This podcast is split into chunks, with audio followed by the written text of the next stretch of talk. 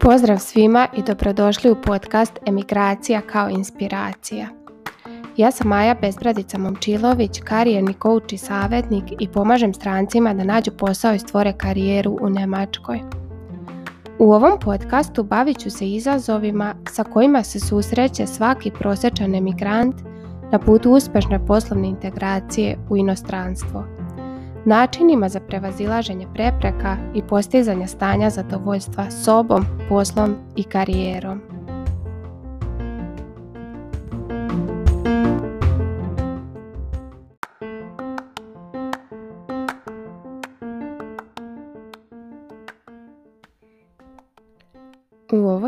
epizodi pričat ću o tri pitanja u vezi emigracije koja treba da si postaviš.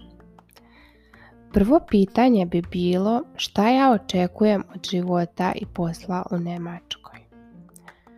Možda je važno odmah na početku da napomenem da postoje dve vrste emigracije, prisilna i dobrovoljna emigracija – Dakle, prisilna emigracija je ona koja se dešava usled rata i kada su ljudi primorani da napuštaju svoju zemlju i da idu na sigurnije mesto. I postoji dobrovoljna emigracija čiji smo mi danas svedoci kada se ljudi iseljavaju iz svojih država idu na primjer u Njemačku, Irsku, Englesku, Ameriku i tako dalje. Mogli bismo pretpostaviti da odlaze sa nekim ciljem, to jest da bi ostvarili neki cilj koji nisu mogli u svojoj državi i zbog toga odlaze. Moj savjet bi dakle bio svakome ko se razmišlja o tome da li emigrira, da li da emigrira ili ne, tako i onome ko je već emigrirao, jeste taj da razmisli o tome koji je tačno njegov cilj emigracije.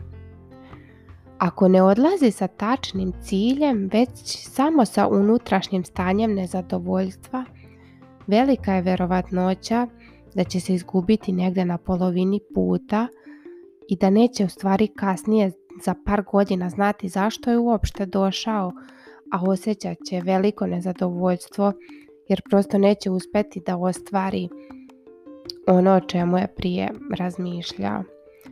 Ja moram da priznam da nisam razmišljala na takav način, što me kasnije koštalo dosta stresa i poteškoća u prilagođavanju nema. Prije šest godina kada sam se ja preselila ovdje, nisam bila svesna uopšte šta me čeka.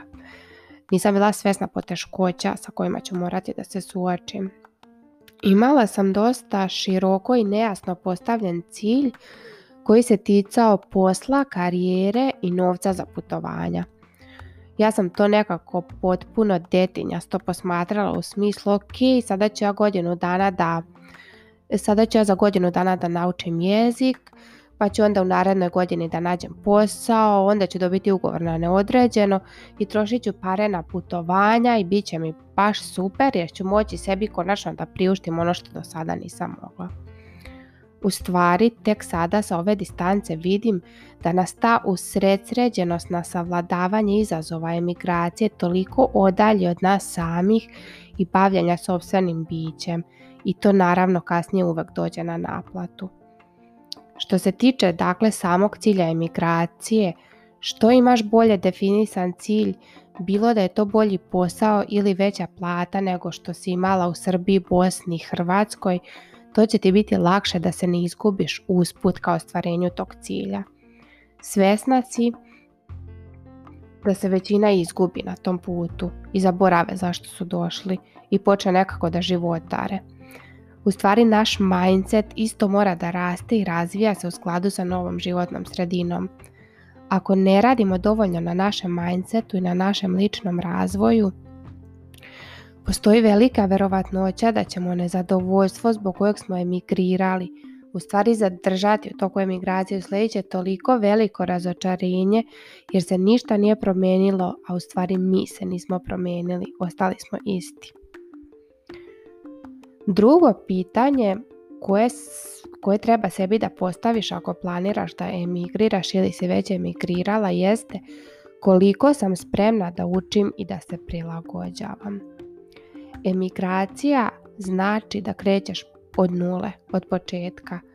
Bez obzira da li si u svojoj državi bio neko, bila neko ko je bio visoko obrazovan na dobroj poziciji, neko ko je imao super vokabular i mogao jako lako da se izražava, da komunicira, da se druži, ovdje ćeš biti u stanju da krećeš od početka. I nisu svi, nisu svi ok sa tim da budu na nuli i da moraju da grade stepenik po stepenik svoj novi identitet. Na primjer, bez obzira koliko godina imaš, bit ćeš, u, bit ćeš prinuđena da jezik pričaš na detinjem nivou, dok naravno ne savladaš i ne naučiš bolje.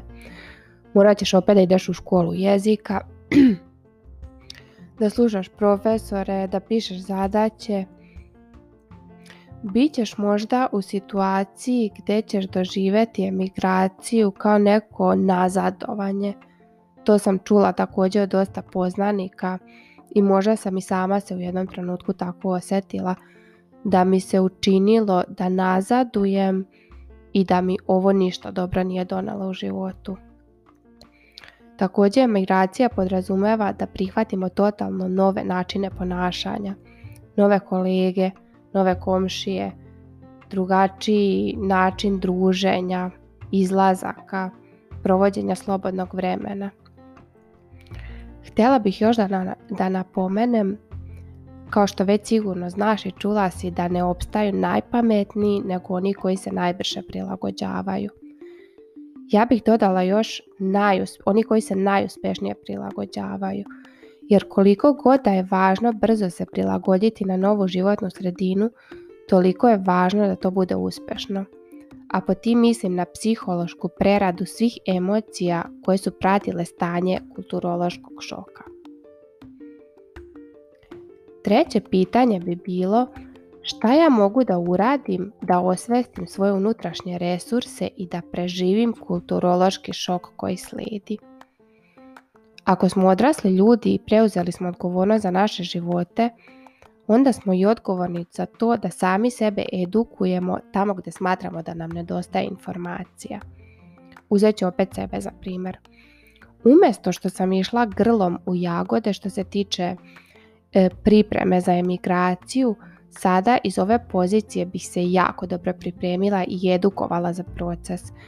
Čitala bih definitivno nešto na internetu o psihološkim posljedicama emigracije.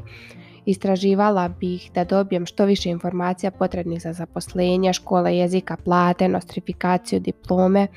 Sve ono u stvari o čemu ja nisam na početku razmišljala i mislim da bi mi to uštedilo velike količine energije.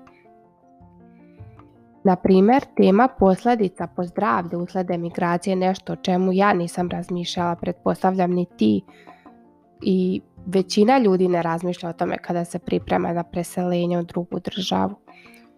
I ono najvažnije što uvek u takvim izazovnim procesima zaboravimo da sebe edukujemo, da prihvatimo to da smo ljudska bića i da ni jedan proces u životu, pa ni ovaj proces emigracije ne može da prođe mimo nas, nego smo mi aktivni učesnici svih tih dešavanja i osjetit ćemo direktno sve posljedice. U takvim izazovnim situacijama trebamo sebi dati razumijevanja, samo sa osjećanja i trebamo sami sebe potapšati po ramenu.